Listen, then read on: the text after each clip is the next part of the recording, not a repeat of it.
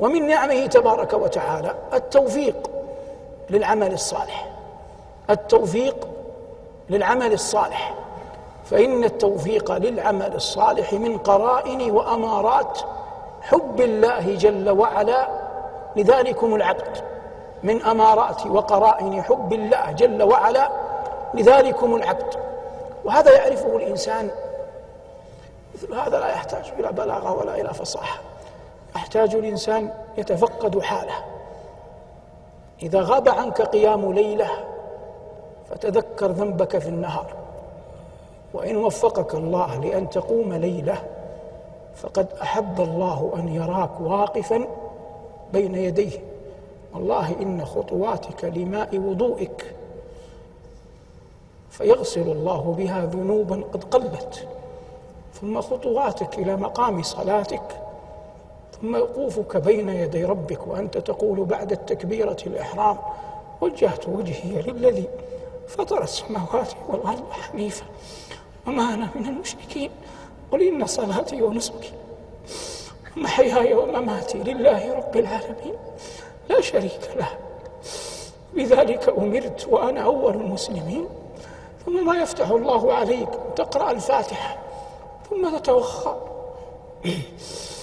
من آيات القرآن ما تتلوه فإن الله يحب أن يسمع كلامه من عبده. فإن الله يحب أن يسمع كلامه من عبده. وما وما عليك لو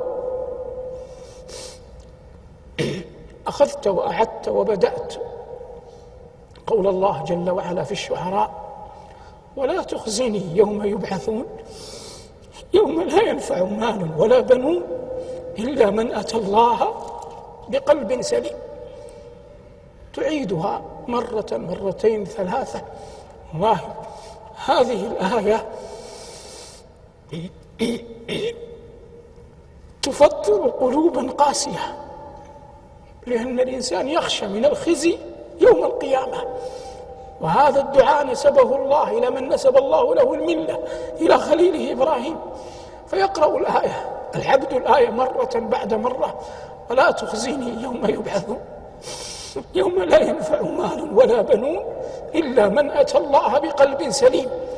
لما تقرأ ولا تخزني تستشعر أن الأمر كله بيده.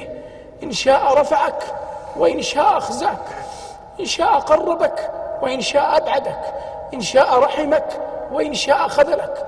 وأن أحدا لا يملك لنفسه ضرا ولا نفعا وأن الأمر كله بيد الله.